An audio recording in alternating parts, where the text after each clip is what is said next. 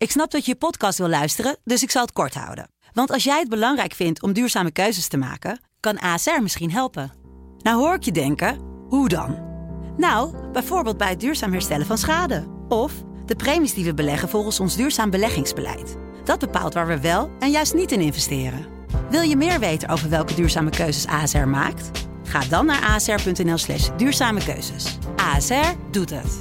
Zo, dan kan je nu lekker naar je podcast luisteren. Dit is Kwestie van Centen, een podcast van de Financiële Telegraaf. Met Martin Visser en Herman Stam. Ja, hartelijk uh, welkom allemaal. Uh, welkom Martin, maar ook uh, welkom Iteke de Jong, onze luchtvaartredactrice, redacteur moet ik eigenlijk zeggen. die er nog opvallend mond eruit ziet naar heel veel zware KLM-dagen. Hoe gaat het met je? Hou je ja, een beetje vol goed, hè? in deze ja, nieuwsstroom? Als journalist leef je voor dit soort dagen. We zijn nu bijna, ik ben nu bijna een week uh, onafgebroken in taal met het hele KLM-dossier. Ja, begon natuurlijk prachtig, hè, met, of tenminste journalistiek prachtig, dat je primeur had van het gaat niet goed, want uh, Hoekstra gaat geen akkoord geven op, het, uh, op, op, op de steunpakketten. Tot aan nu waar we staan, gaan we zo uitgebreid bespreken. Maar laten we eerst eventjes een kleine terugblik doen op deze week. Stikken of slikken voor KLM. De pilotenvakbonden weigerden vanochtend akkoord te gaan met de eisen van het kabinet. Minister Wopke Hoekstra wil geen lening verstrekken zolang de loonoffers niet vijf jaar duren. Ik vind het redelijk dat je dan ook dingen terugvraagt.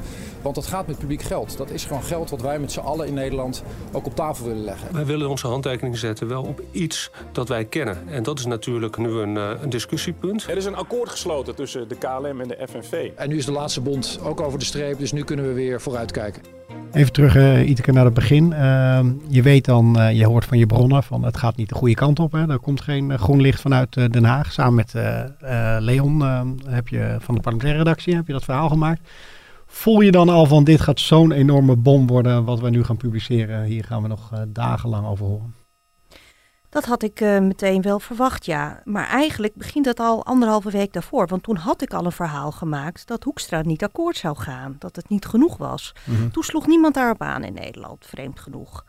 En, uh, maar goed, die vrijdag moest Hoekstra ook echt iets zeggen, vorige week vrijdag. Dus toen was, waren ook andere media waren daar kennelijk veel meer mee bezig. Dat was het moment. En uh, gezien de historie bij KLM en de reputatie van uh, de piloten, had ik uh, wel verwacht dat dit uit de hand zou lopen. Ja. Want in dat verhaal had je geloof ik ook al dat, dat Hoekstra die vijf jaar eiste, vijf jaar die ja. loonmatiging, ja. waarvan natuurlijk de vakbonden deden alsof het uit de lucht kwam vallen. Maar dat kwam dus eigenlijk helemaal niet zo uit de lucht vallen. Ja, dat is een uh, twistpunt uh, oh ja. nu. Hè? Uh, als je nu in terugkijkt, Kennelijk uh, zijn er verschillende signalen afgegeven. Al vanaf 1 oktober, toen moest KLM een herstructureringsplan inleveren, waar dat loonoffer uh, deel van uitmaakte. En um, nou ja, eigenlijk had Hoekstra die had diezelfde middag eigenlijk officieel al een briefje kunnen sturen van het is niet genoeg, want ik mis de termijn vijf jaar. Um, en toen had KLM eigenlijk al meteen die vakbonden hm. bijeen moeten roepen. Dus daar in die top is iets misgegaan. Om wat voor reden dan ook. Want kennelijk, want uh, op 19 oktober heeft topman Pieter Elbers met de vakbonden gezeten. Toen heeft hij gezegd dat ze moesten stoppen met ruzie. Toen is er niet gewisseld. Je moet nog even een, een extra ding ondertekenen hm. voor uh, vijf jaar. Een extra papiertje. Dus ja, eh, iedereen houdt dat nu ook een beetje af. Uh, hè, want iedereen wil het natuurlijk toch een beetje achter uh, zich laten. Maar goed, bronnen verzekeren mij. Het, het was bekend. Hè? Onder meer Financiën zegt dat. Maar dat hoor ik ook uit de KLM-top terug. Dus um, ja, ze dachten misschien, nou, we krijgen het er wel doorheen. We praten dan over 2,5 jaar of anderhalf jaar wel weer verder. En je moet ook niet uitsluiten dat bij de politiek uh, moest het ook verkocht worden natuurlijk. Mhm. En als er dan in zo'n laatste week ineens gebokt wordt binnen kabinetskringen van ja, maar dit gaan we niet doen.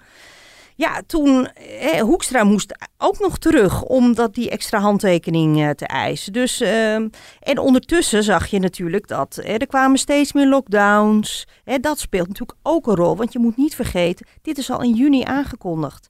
Toen dacht KLM dat ze eh, nu weer voor 75% uh, van de capaciteit weer in zou kunnen zetten.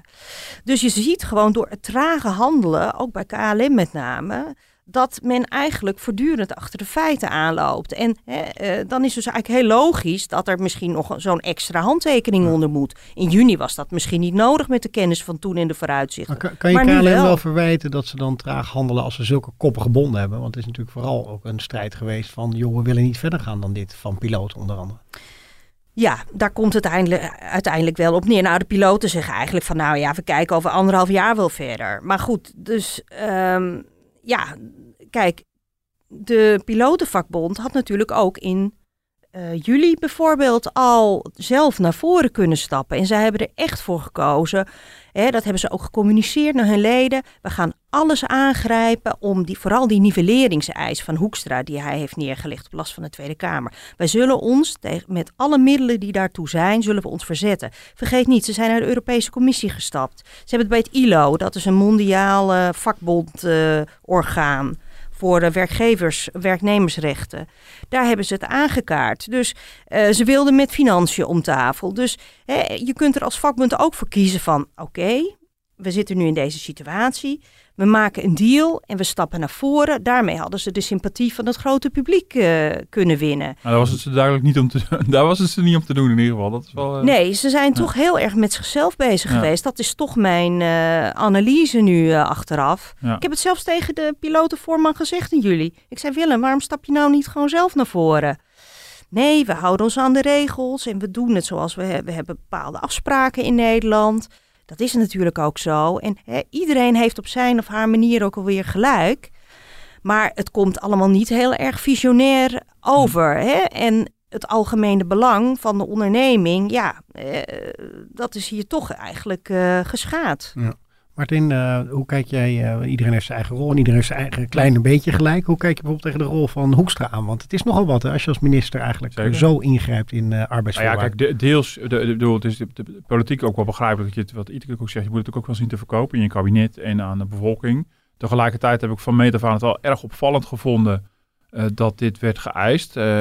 salaris inleveren voor zo'n lange, zo'n lange periode en niet alleen voor de best betaalde piloten, maar ook voor, de, voor, voor, voor lager betaalde mensen. Ja, het is uniek. Dat is, bedoel, het wordt ook heel makkelijk vergelijking getrokken met de banken van destijds. Maar dat was toch echt een ander verhaal. Daar ging het toch echt om de raden van bestuur die af moesten zien van bonussen. Dit gaat door het hele bedrijf heen. Het is uh, ook in de coronacrisis zelf zonder precedent. Want de, in de eerste maanden, de schreef op, werd er wel af en toe wat gesputterd over het inleveren van vakantiedagen her en der. Of er was nou, E.ON heeft een poging gedaan voor een loonoffer. Maar dat is eigenlijk nog niet echt toegepast. Dit is in die zin echt, echt heel groot. En dat is wel opvallend. Ja, en dat Hoekstra er nu de laatste, de laatste week dan zo speelt, is ook gewoon politieke powerplay. Hij wist vroeg of laat gaan die piloot op de knieën. Nou, dat is uiteindelijk ook gebeurd. Ja. Ik vond het zo treurig dat die piloten dan in die onderhandelingen ook nog een paar van die business tickets erbij willen hebben. Weet je, dan denk ik van ja, dan ben je dan wel helemaal eh, in deze werkelijkheid dat je dat soort eisen nog neerlegt. Nee, uh, je bent dan niet meer in deze werkelijkheid. En hè, zeker op het moment als dat naar buiten komt, hè, ook, ja, dan weet je gewoon dat het gewoon killing is in eh, de publieke beeldvorming. En, maar kijk, zo redeneren piloten niet. Piloten zijn hele rationele mensen die zich uh, door niets uh, van hun doel af laten brengen. Hè. Daardoor zetten ze vliegtuigen en zo ook veilig aan de grond. Mm -hmm. Dus het is ook een bepaald type mens. En zij vinden gewoon, uh, dit zijn de afspraken. Um, ja, ze proberen gewoon het onderste uit de kant te halen. En kijk, uh, er zijn ook wel eerdere uh, voorzitters geweest van de pilotenvakbond die wat pragmatischer waren en die wat meer oog hadden voor wat er in zich, hè, hoe, hoe de perceptie was en wat het bedrijf nodig had in die zin. Maar ja, um, het huidige bestuur heeft uh, deze aanpak gekozen. Ja, en ik denk nu achteraf dat dat niet een slimme is geweest. Hm. Dat, ik ben uh, ook nog benieuwd naar ben even los van de politieke kant. Hè, uh, en, en dat je het richting de belastingbetaler dit wil kunnen verantwoorden als, als minister. Heeft het bedrijfsmatig nou zin? Zet het echt zoden aan de dijk dat die piloten dit offer moeten brengen? Zeker. Zet het zoden aan de dijk. Ja, daarvoor is, de, is het onderdeel arbeidskosten groot genoeg binnen KLM om echt een wezenlijk verschil te kunnen maken binnen zo'n bezuinigingsplan. Ja, de piloten die uh, hebben een. Uh, ja, zij zijn de groep die het meeste verdient binnen mm -hmm. de onderneming. En kijk, als je nu op de totale loonsom is dit, valt dit offer nog wel mee. Hè? Want we moeten er ook niet in die zin, het gaat voor de laagste inkomens om het inleveren van toekomstig loon. Ja. Dus nou ja, merk je dat in je loonzakje. Dus hè, of de kosten echt structureel omlaag hiermee gaan, daar kun je ook nog een hele boom over opzetten. Vind ik niet persoonlijk. Maar goed, nee. Hoekstra nee, en zijn mensen, die hebben dit kennelijk uh, akkoord bevonden. Hè, van eerst deze stap maar, misschien komt er nog een uh, volgende stap. Maar goed, nog even terug naar Hoekstra met die eis die hij stelt. Van ja, hij zegt ja, het is belastinggeld, uh, et cetera. Het is hier een lening. Die moet KLM terugbetalen. Ze ja. betalen 6,75% rente daarop. Daar moet, hè, daar moet het personeel al voor bloeden nu. Mhm. Dus hè, dat is ook wel heel erg raar. Hè, en, en ook niet heel erg zakelijk wat dat eh, betreft. Nee, dat is ook wel een groot verschil met die banken destijds. Hè. Bedoel, uh, kijk, ABN AMRO werd echt gewoon genationaliseerd, maar ING werd met een lening geholpen. En toen was de redenering zo lang als die lening uitstaat, mag je dan geen bonussen uitkeren. Dat is echt wat anders dan salaris inleveren, al is het dan toekomstig salaris. En daarom vroeg me dat ook af. De, de officiële redenering van Hoekstra is natuurlijk, ja, maar het bedrijf moet natuurlijk de kosten reduceren. En dit is onderdeel van die kostenreductie. Ja, als dat ja, als dat een beetje een gelegenheidsargument is, is het uiteindelijk vooral een politiek spel van Hoekstra mhm. en niet zozeer een bedrijfsmatige aanpak. Nee, want er zijn ook nog andere eisen waardoor KLM juist uh, minder concurrerend wordt. Daar uh, heb ik gisteren een eh, verhaal over geschreven. Want er zijn ook nog een aantal groene eisen. Daar is totaal geen aandacht voor, behalve in de Telegraaf. En ik heb eens even op een rijtje gezet wat dat allemaal kost. Nou, hm. dat bedrag is hoger dan het loonoffer wat, uh, wat nu bij elkaar geschraapt is. Dus aan de ene kant zet Hoekstra KLM het mes op de keel, maar aan de hm. andere kant uh, trekt hij gewoon uh, het geld weer terug. En wat voor groene eisen heb je het over dan? Op anders soort ehm, kerosine vliegen? Of, Nachtvluchten opgeven, hm. biokerosine verplichting. Ehm, nou, daarnaast willen ze nog een vliegtax uh, invoeren. Eh, KLM moet straks treinkaartjes geven aan uh, klanten op kortere afstanden, terwijl ze zelf die stoelen eigenlijk al heeft. Dus dat is bedrijfseconomisch is dat niet voordelig. Hè, Hoekstra die zegt steeds, KLM moet concurrerender worden, maar ja, uh, als je KLM opzadelt met uh, eh, 600 miljoen aan extra groene kosten per jaar, daar worden ze natuurlijk niet echt concurrerend van. Dus dat is ook, ja, uh, politiek is dat. En er zijn de tegenstanders van de luchtvaart die zeggen van ja, dat is goed, want dat is de nieuwe werkelijkheid. Nou ja, concurrenten van KLM hebben die eisen niet. Dus dat is in die zin ook een beetje krom in dit verhaal. Hè? Hoekstra vindt KLM belangrijk in het, route, in het routenetwerk op Schiphol, dat, eh, dat wil hij graag in stand houden. Maar juist door die groene eisen ondermijdt hij eh, dus eigenlijk de winstgevendheid en de toekomst van die routes. Dus uh, ja, hiermee zit je, zie je dus dat. is het nou slim dat de politiek zich bemoeit met het bedrijfsleven in, in die zin? de VEB heeft daar de afgelopen week ook voor gewaarschuwd. ook ten aanzien van dit dossier. Ja, vaak komen er ongelukken van. En ja, dat, dat, dat zie je hier dus. Het gaat niet om zakelijke afwegingen, het gaat om een politiek verhaal hier. Ja. En denk, denk je dat, uh, weet jij of, uh, of uh, Hoekstra de optie van nationalisatie op tafel heeft gehad voor het geval die ze, ze gelijk niet zou gaan krijgen? Nou ja, dat komt misschien nog, Martin. Ja? Want dit is nog maar het begin. Die 3,4 miljard, dat is genoeg om het misschien tot, nou ja, in de huidige omstandigheden tot, tot aan het voorjaar uit te zingen. Ja. En kijk, KLM maakt onderdeel uit van Air France KLM. En het geld stroomt er echt nog harder uit in Frankrijk. Met bakken gaat het eruit. En achter de schermen uh, wordt er nu druk opgevoerd al, omdat ze nieuw aandelenkapitaal willen gaan ophalen. En uh, ja, je, en daar zal Nederland een keuze moeten maken of ze meegaat of niet. Dus over een paar maanden zitten we hier weer. En hm. dan, uh, ja, dan moet er misschien weer een paar miljard uh, naar dan Air France KLM toe. Nou, dat is een politiek probleem, hè? ten eerste al. Ja. Want uh, de Tweede Kamer heeft gezegd, er mag alleen maar geld naar KLM gaan. En ja, wanneer is het einde zoek, zolang deze coronacrisis voort blijft duren? Dus ehm, dan komen, hè, als het maar, hè, als het echt niet opknapt, dan komen dit soort drastische scenario's, die komen Ja. nog op tafel. En Hoekstra heeft dinsdag ook gezegd, alle opties liggen op tafel. En er zijn nog meerdere varianten hoor, eh, op, het, op het thema. Eh, en hele drastische is van, nou ja, gewoon zeggen van, eh, ik wil KLM, we gaan niet mee in die herkapitalisatie. Dan ehm, ja, zullen ze een deal moeten maken om KLM op de een of andere manier eh, los eh, te koppelen. En opnieuw door te starten. Zou je het logisch vinden dat Hoekstra ook richting Frankrijk, want ik begrijp dat eh, bij die Franse piloten veel minder ingeleverd moet worden, dat Hoekstra zich daar ook meer tegenaan zou bemoeien van luister, we willen eigenlijk ook tot bij Air France meer opofferingen komen. Ja, en daar heeft hij al eerder van gezegd van da, dat is niet mijn, ehm, daar kan ik niet op ingrijpen. Een beetje een rare redenatie natuurlijk, want hij is ook daar eh, aandeelhouder. En ook dit is natuurlijk ook ehm, binnen het bedrijf, natuurlijk zorgt dat voor heel veel frustratie. Hè, de rekening voor, eh, wordt eigenlijk bij KLM neergelegd, want eh, bij Air France zijn geen gedwongen ontslagen bijvoorbeeld.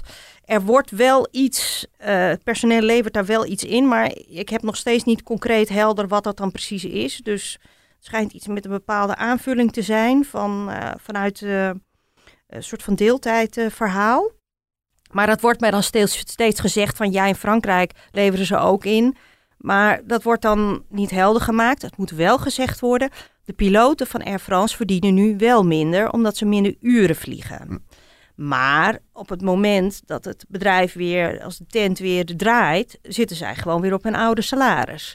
Dus je ziet gewoon, ehm, Hoekstra die heeft gewoon in het machtsspel eh, van de, van afgelopen anderhalf jaar, heeft hij gewoon heel, veel kunnen, eh, heel weinig uit eh, kunnen richten richting eh, Air France KLM.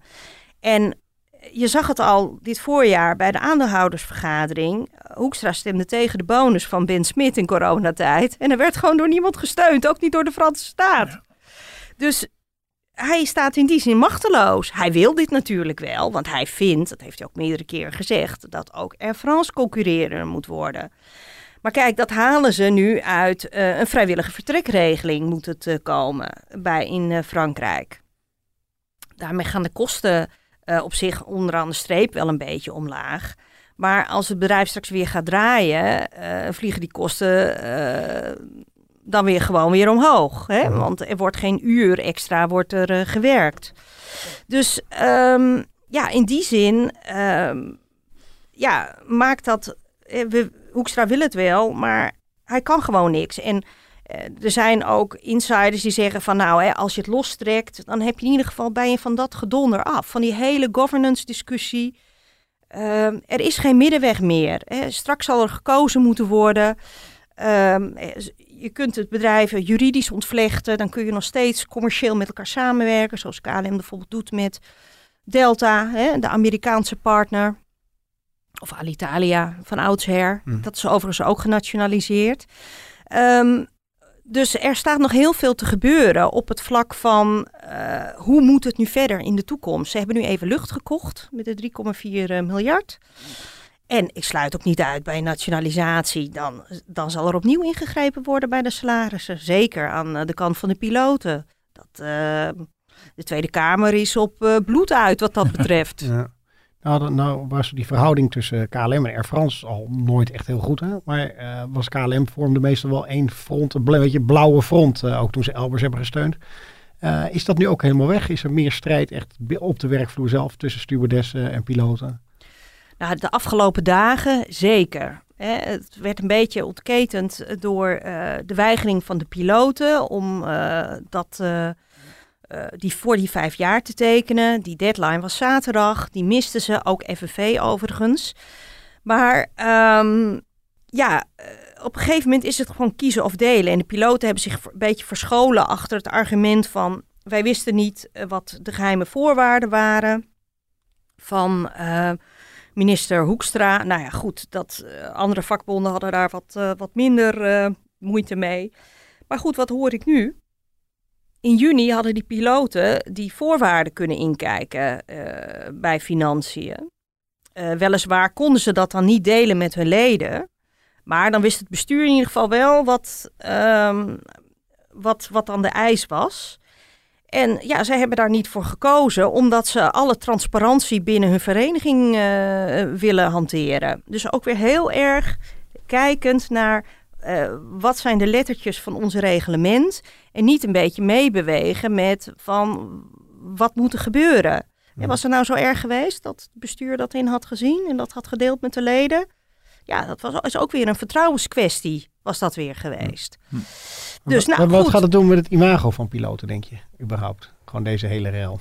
Nou ja, dat is echt uh, vreselijk. De piloten zijn de bankiers uit 2008. Er gaan geruchten al dat uh, de afgelopen dagen hebben we natuurlijk veel uh, anekdotes in, in, en voorvalletjes op de werkvloer. Uh, die zijn natuurlijk naar buiten gekomen. Hè, dat uh, de bagage van de piloten per ongeluk niet werd ingeleverd. Dat koffers besmeurd worden. Dat er in koffie wordt gespuugd door collega stewardessen. Ja, het, topman Elbers die heeft dinsdag in een interne column of een interne brief tegen het personeel gezegd dat intimidaties uh, moeten stoppen op de werkvloer. Dat, dat men eh, dat het toch teamwork uh, voorop. We hebben natuurlijk de briefjes gezien hè, op de stuurknuppels. Hè. Bedankt namens iedereen, zie je bij het UWV. Mhm. Mensen waren gewoon ontzettend boos het afgelopen weekend. Ze dachten, wat krijgen we nou? Gaan die piloten ons hier in het verderf storten? Ben ik zo meteen met mijn baan kwijt? Mm dus um, ja, dat heeft tot heel veel onrust geleid. En dat gaat tot, tot, hè, ze hebben dinsdag uh, uiteindelijk getekend. Nou, zelfs vandaag uh, gaan er weer cartoons gaan er rond over dat Hoekstra de piloten toch maar moet bewegen tot het inleveren van nog meer salaris. Dus ja, vakbond de Unie die heeft gisteren een beetje opgeroepen tot ja, iedereen moet een beetje afkoelen. Want eh, het is natuurlijk zo. Um, een beetje jammer ook van die piloten in deze zin is, is dat ze de Tweede Kamer tegen zich hebben gekregen. En dat is natuurlijk op de langere termijn is dat natuurlijk een ramp. Dat is ook voor de positie van Elbers natuurlijk ook heel ingewikkeld. Nou, toch? Want uiteindelijk is hij degene die, die voor Hoekstra die deal moest sluiten met die vakbonden. Zeker. En als je dan terug komt met een deal dat wordt, af, die wordt afgewezen, we kijken ook heel naar die piloten, uh, die het spel nogal hard hebben gespeeld. Maar ik verbaas me over, als, als, als ik van, van de buitenkant naar kijk, van hoe het kan dan zo'n topman, die heeft gewoon een 06-nummer van Wopke Hoekstra, die, bedoel, die, bedoel, die, die weet elkaar wel te vinden. Die zit daar tussenin. Wat is daar dan gruwelijk misgegaan met die man? Ja, die heeft toch niet op tijd ingegrepen in deze hele soap. En uh, het verhaal vertelt nog niet waarom hij dit op deze manier heeft aangepakt. Ik denk niet dat het een soort 1 2 is geweest dat uh, Elbers heeft gedacht van als Hoekstra ja, nu deze harde de toon doet. Ja. Dat denken de piloten. Dat uh, Elbers en Hoekstra stiekem op een akkoordje hebben gegooid. Maar goed, dit doet wel heel erg veel schade hoor aan het uh, bedrijf. Ja. Dus ja, ik hoor dat het dus binnen de top van KNM rommelt. Um, Elbers die heeft deze onderhandelingen, die liggen niet, um, zitten niet in zijn portefeuille. Daar heeft hij een operationeel directeur voor die hm. dit doet. Dat is René de Groot, heet uh, die meneer. Die is zelf voormalig voorzitter van de pilotenvakbond. En die uh, had het tot een goed einde moeten brengen. En uh, ik hoor van meerdere bronnen dat hij uh, zijn personeelsdirecteur overruled heeft in dit hele verhaal. Dat hij, dat hij, eh, die had kennelijk een deal, wel voor gelijk met de andere vakbonden. In ieder geval, nog niet de vijf jaar dus. En die, dus dat team, dat onderhandelingsteam, heeft dus niet duidelijk genoeg gemaakt aan ehm, de vakbonden dat er dus een deal voor vijf jaar moest komen. Want, zeggen bronnen tegen mij, van anders had die deal er anders uitgezien. De huidige deal is echt gebaseerd op 2,5 jaar, korte periode. Want ja, een deal voor vijf jaar, dat, dat gebeurt eigenlijk nergens in uh, Nederland. Maar eigenlijk hadden ze op 1 oktober al, al dat briefje erbij moeten doen van... bij deze spreken we de intentie uit dat we ons gedurende vijf jaar zullen houden aan loonmatiging. Dus ja, die, die René de Groot samen met zijn personeelsdirecteur, ja, die hebben hier steken laten vallen. En ik heb me laten vertellen dat uh, Pieter Elbers, die wil uh, René de Groot uh, niet afvallen. Want die heeft hem vorig jaar gesteund in zijn herbenoeming. Hè? Dat weten we allemaal nog wel, hè? dat de KLM'ers de straat op gingen hè, met hun blauwe harten. Ehm, dus misschien, eh, het knettert uh, heus wel. En Elbers is, uh, die, die is hier woedend over. Maar ja, ze moeten ook verder. En ze zitten ook nog met de dynamiek bij, met Frankrijk. Want Frankrijk, die staat nu in de coulissen te wachten... wat hier nu verder gaat gebeuren. En als de Raad van Commissarissen een van de directieleden buiten de deur zet... wat gaat de, de moedermaatschappij dan doen? Hè, zet hij daar een eigen poppetje neer? Dus vanuit de Raad van Commissarissen is nu eh, de positie van uh, René de Groot is niet sterk. Maar ik krijg toch op dit moment signalen van...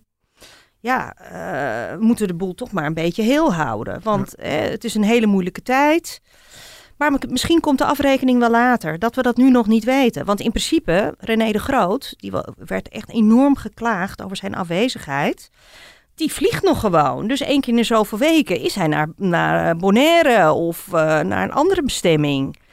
En um, dus in principe uh, kan hij, kunnen ze hem eigenlijk op een elegante manier ook weer terug naar de werkvloer begeleiden. Maar ja, wie moet gaat dan... Gaat hij wel een salaris een stukje achter, op achteruit? Hij, gaat er wel een, uh, hij moet dan wel zijn directiesalaris uh, inleveren. Ja. Maar goed, hij is een zeer ervaren captain. Dus uh, mm -hmm. daar hoeven we geen medelijden mee te hebben, weten we inmiddels. dus ja, de bananenschil, je weet nooit welke bananenschil het uiteindelijk wordt. Maar René de Groot ligt enorm slecht bij zijn collega's, met name de vliegers. Hè? Want een paar jaar geleden hebben ze ruzie gehad over een pensioendeal. Voert te ver om daar nu op in te gaan. Maar er is wantrouwen. Maar goed, de deal ligt er nu, dus in die zin is het even rust. Maar ja, misschien uh, bij een nationalisatie volgend voorjaar dat ineens de directie verkleind wordt of zo. Over dat soort, uh, dat, dat het nu nog niet is, maar over een tijdje dat, dat die afrekening uh, komt. En uh, kijk, binnen de vakbonden uh, is nu het geluid te horen. Het is allemaal te juridisch en te financieel geworden. De KLM-top mist een verbinder. Ze hadden vroeger een personeelschef, Wim Kooijman. Die wordt tegenwoordig ook wel eens voor andere klussen ingezet. bij moeilijke vastzittende onderhandelingen. Onder meer bij de schoonmakers heeft hij vorig jaar iets vlot getrokken, dacht ik. Dat is een hele amabele, warme man. En die was dan in staat om hè, mensen bij elkaar te roepen. En als het ware hè, dus zo soort van de armen eromheen te slaan. En jongens, hè, we gaan het met z'n allen doen. Of even bij het koffiezetapparaat even een onderrondje. Of even een borreltje hier. Um, nou, Wim die wist dat allemaal met het oliekannetje goed uh, uh, te smeden. Maar nu zit er wat meer een, een, een technocratische personeelsdirecteur aan het slacht. En ja, nou ja, dat, die aanpak uh, zeggen ze van ja, dat was misschien in dit proces niet handig geweest. Maar het begint allemaal bij ja, het gewoon niet juist communiceren van wat de staat wilde. -hmm. ja. Maar en dat is natuurlijk heel erg pijnlijk. Zie, zie je het als een uh, voorbode ook, uh, dit soort uh, onderhandelingen of salaris inleveren, ook voor anderen? Moeten moeten andere mensen zich bang gaan maken? Ik denk dat het voor veel werkgevers niet echt een lekkere reclame is voor wat je op de hals haalt als je om een nee. loonoffer vraagt. Mm -hmm. Nou is het natuurlijk wel een hele specifieke situatie. Bedoel, Ietke legt ook uit hoe ingewikkeld het is. Bedoel, en het belang van KLM, de politieke gevoeligheid, de Fransen erbij, de verschillende beroepsgroepen binnen zo'n, dat heeft natuurlijk niet elk bedrijf op die manier. Maar nee, je ziet tot nog toe dat dat heel rustig is op dat front. En uh, terwijl die ruimte er nu nadrukkelijk wel is in het uh, derde steunpakket dat 1 oktober is ingegaan, is er in, de, in die loonsteun, die NOW, is er nadrukkelijk ruimte voor. Sterker nog, er, is, er zit bijna een soort financiële stimulans in om iets te doen. Ehm, want waar we ooit begonnen in, in de coronacrisis met een ontslagboete, is het nu eigenlijk omgedraaid. Als jij loonsteun aanvraagt voor jouw personeel, omdat je omzetverlies hebt, uh, en je reduceert je loonkosten met 10%, uh, ofwel door een loonoffer, ofwel door ontslagen, dan mag je toch die loonsteun houden. Dus het is eigenlijk een financiële stimulans om of van je mensen af te komen, of om uh, mensen salaris te laten inleveren. Nou, dat reorganiseren, dat gebeurt volop. Maar die loonoffers, ja, dat gebeurt in Nederland ook niet zo heel erg veel. Kijk, en hier speelt, ja, dat hoort ook heel duidelijk, echt allerlei politieke argumenten een rol. Maar de rest van de bedrijven die even los zijn van de politiek, is dat niet heel erg populair. Maar het, ja, de ruimte is er, is er nadrukkelijk. Maar ik denk dat veel bedrijven eerder voor de reorganisatieroute gaan kiezen. En um, nou, helemaal in het begin ging het een beetje over vakantiedagen. Dan werd dan gedimd dan. Nou, dat lag al zo gevoelig. Ehm, is in Nederland is het toch wel echt lastig om, eh, om dit te doen. Nou, dit is natuurlijk al helemaal geen reclame. Om dan bijvoorbeeld te zeggen van nou, we gaan overal uh, Ja, maar kijk, daar was nog, bij die andere bedrijven is nog een keuze, hè? En bij KLM is geen keuze. Uh, dus dat is op zich ook natuurlijk, hè? Want als, als Hoekstra die eis niet had neergelegd, van met name Hè, uh, dan had KLM misschien ook wel gekozen voor ontslagen. Ja. Mhm. Maar er moest geniveleerd worden. Ja, nee, zeker. was natuurlijk een politieke eis was dat, eh, om, om dat uh, te doen. Dus in die zin is KLM eigenlijk ook een, ja, een sociaal-politiek experiment, noem ik het ook. Kan je nog wel een beetje begrip opbrengen, ook voor de piloten, dat ze zo standvastig eigenlijk zijn geweest? Nou, een beetje begrip kan ik wel opbrengen, ja. Hmm. Bedoel, het is ook wel echt wel, het blijft ook een opmerkelijke eis. Ik bedoel, even afgezien van het feit dat ik uit alle onderzoeken blijkt, dan heeft iedereen het allemaal opgeschreven, dat de KLM-piloten internationaal gezien echt uh, wel beter, bij de beter verdienende zitten. En dan druk ik me nog voorzichtig uit. Uh, dus dat dat misschien al langer een doorn in het oog was. En dit een soort momentum is om er iets aan te doen. Maar ja, om nou zoiets te vragen voor een periode van vijf jaar, dat, dat blijft natuurlijk heel ongebruikelijk. En een vakbond, ja, die staat ook voor de belangen van zijn personeel. Maar op een gegeven moment wel een game of chicken. Hè? Ik bedoel, twee van die kwaai jongens die met een, met een, met een auto op elkaar afrijden. Hoek staan aan de ene kant en de piloot aan de andere kant. Wie wijkt er het eerste uit? Want je weet van tevoren, je laat natuurlijk niet hier om KLM op de fles gaan. Van allebei de kanten niet. Ja, en dan is de powerplay van de minister natuurlijk zodanig dat je... Het is een kwestie van wachten tot die piloten ja. uh, gingen tekenen. Maar wat had Hoekstra gedaan als ze niet hadden getekend? Wat, als ze niet hadden getekend. Nou ja, daarom vroeg ik natuurlijk aan Itike van wat lag er dan op tafel? Ja. nationalisatie. maar goed, dat was misschien nou niet... Nou ja, dan krijg je... kijk, maar dan komt de complicatie met Frankrijk ook weer om de hoek kijken. Uh, want die zijn uh, eigenaar uh, van ja. KLM. Dus ja, dan gaat KLM op de fles. Maar Hoekstra heeft het volledige eigendom niet. Nee. Dus ja, dan kom je in een scenario van, ja, kunnen wij de boedel kopen en kunnen we een nieuwe luchtvaartmaatschappij oprichten? Dat sluit ik overigens over een paar maanden niet uit hoor, dat dat alsnog gaat gebeuren. Um, dus dat, ja, dat, nou ja, kennelijk zijn de, vliegers nu toch tot inkeer gekomen. Maar ja, het is natuurlijk wel een voorbode over dat het, dat het in, in, met de volgende stap misschien ook nog moeilijker ja. zal gaan. Want ja, die zien de bui dan hangen. En kijk, en vanuit, vanuit dat perspectief begrijp ik hun verzet ook niet helemaal. Want ja, ze weten op het moment dat ze failliet gaan, KLM dan, nou ja, dan zijn ze werkloos. Ja. En nu hebben ze tenminste nog een deal dat ze hun goudgerande salarissen in ieder geval de komende vijf jaar nog houden. Ja. Vooralsnog. Dus ja, in die zin begreep ik het verzet ook niet helemaal. Ik denk van ja, met een doorstart dan weet je zeker dat er een uh, andere CEO aan je voorgelegd wordt als je opnieuw mag solliciteren. Ja. Dus uh, ja, toch uh, in, in, hun, in hun cockpit zitten ze. Met tunnelvisie. Hoe, hoe zit het wat Martin zegt van uh, ze verdienen wel wat meer dan hun Europese collega's? Waar moet je aan denken dan? Nou, kijk, dat uh, ja, is een beetje meer dan Lufthansa en uh, British Airways en Air France. de afgelopen jaren heeft KLM goed geboerd. Dus de piloten die kregen een modaal salaris gemiddeld als winstuitkering. Een modaal Nederlands salaris als winstuitkering. Ja, laat het even tot je doordringen. Mhm. En, um, maar goed, aan de andere kant, ze betalen ook 50% belasting. Hè? Dus deels vloeit dat natuurlijk ook weer, uh, komt dat Nederland natuurlijk ook weer uh, ten goede. Maar goed, vergeleken met uh, collega's bijvoorbeeld bij de Emiraten, daar liggen de salarissen lager. maar daar heb je ook een heel ander belastingregime. Mm prijsvechters is weer een ander verhaal. daar kun je eigenlijk alleen maar vergelijken.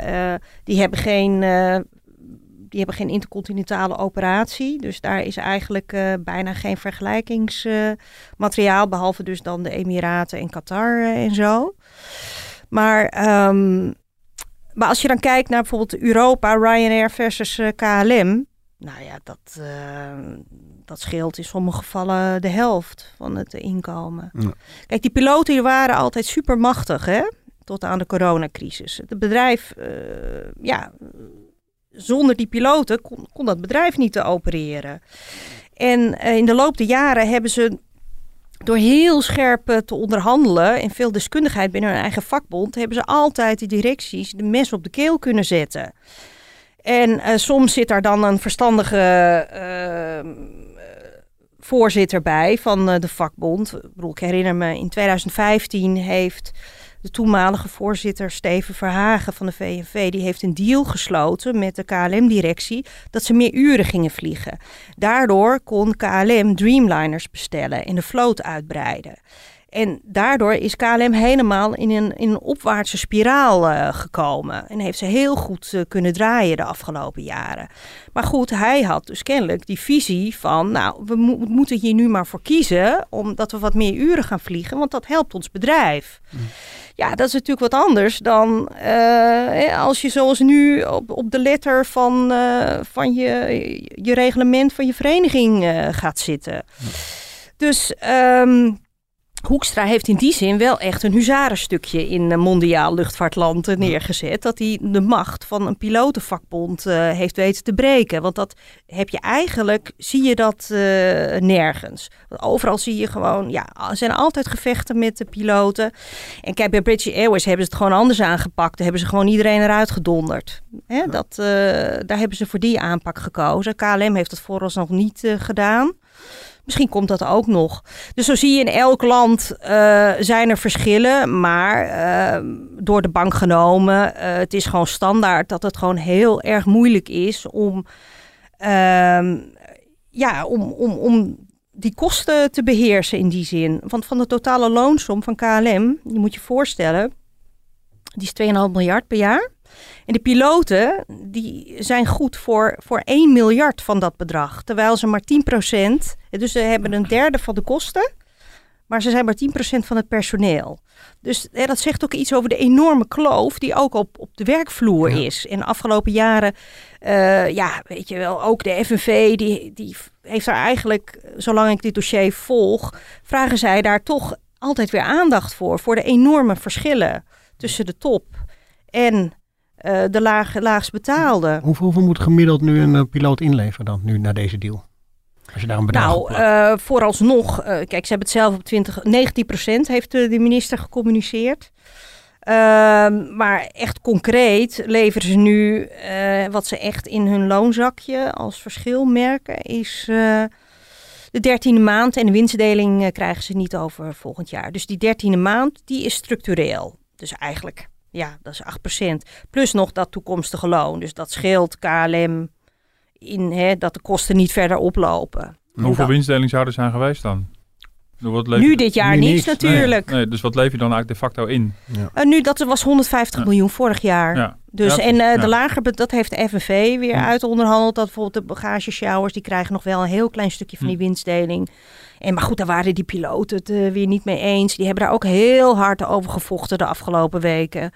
Ja, goed, dat, eh, al die details komen natuurlijk niet altijd naar buiten. Maar goed, dat je echt dacht van, ja, moet dit nou? Hè? Gun je hmm. je collega nou echt niet? Die vonden het dus geen pas geven om in deze tijd die winstdeling uit te delen. Ook aan de lager betaalde. Dus ja, het, uh, het is een hele zakelijke, kille standpunt. En dat zorgt natuurlijk nu ook voor die verdeeldheid uh, op die werkvloer. Ja. Wat verwacht je de komende weken? Krijg je, je hebt het al over het voorjaar van, dan moet er weer geld bij, maar nu voor de korte termijn? De druk wordt nu verder op Nederland gezet om mee te doen aan een aandelenemissie. Uh, achter de schermen uh, wordt aan gewerkt. En omdat dat geld er in bakken uitgaat met Frankrijk, komt dat moment uh, steeds dichterbij. Zeker nu met de recente lockdown van uh, de, hè, vorige week vrijdag is die in Frankrijk aangekondigd.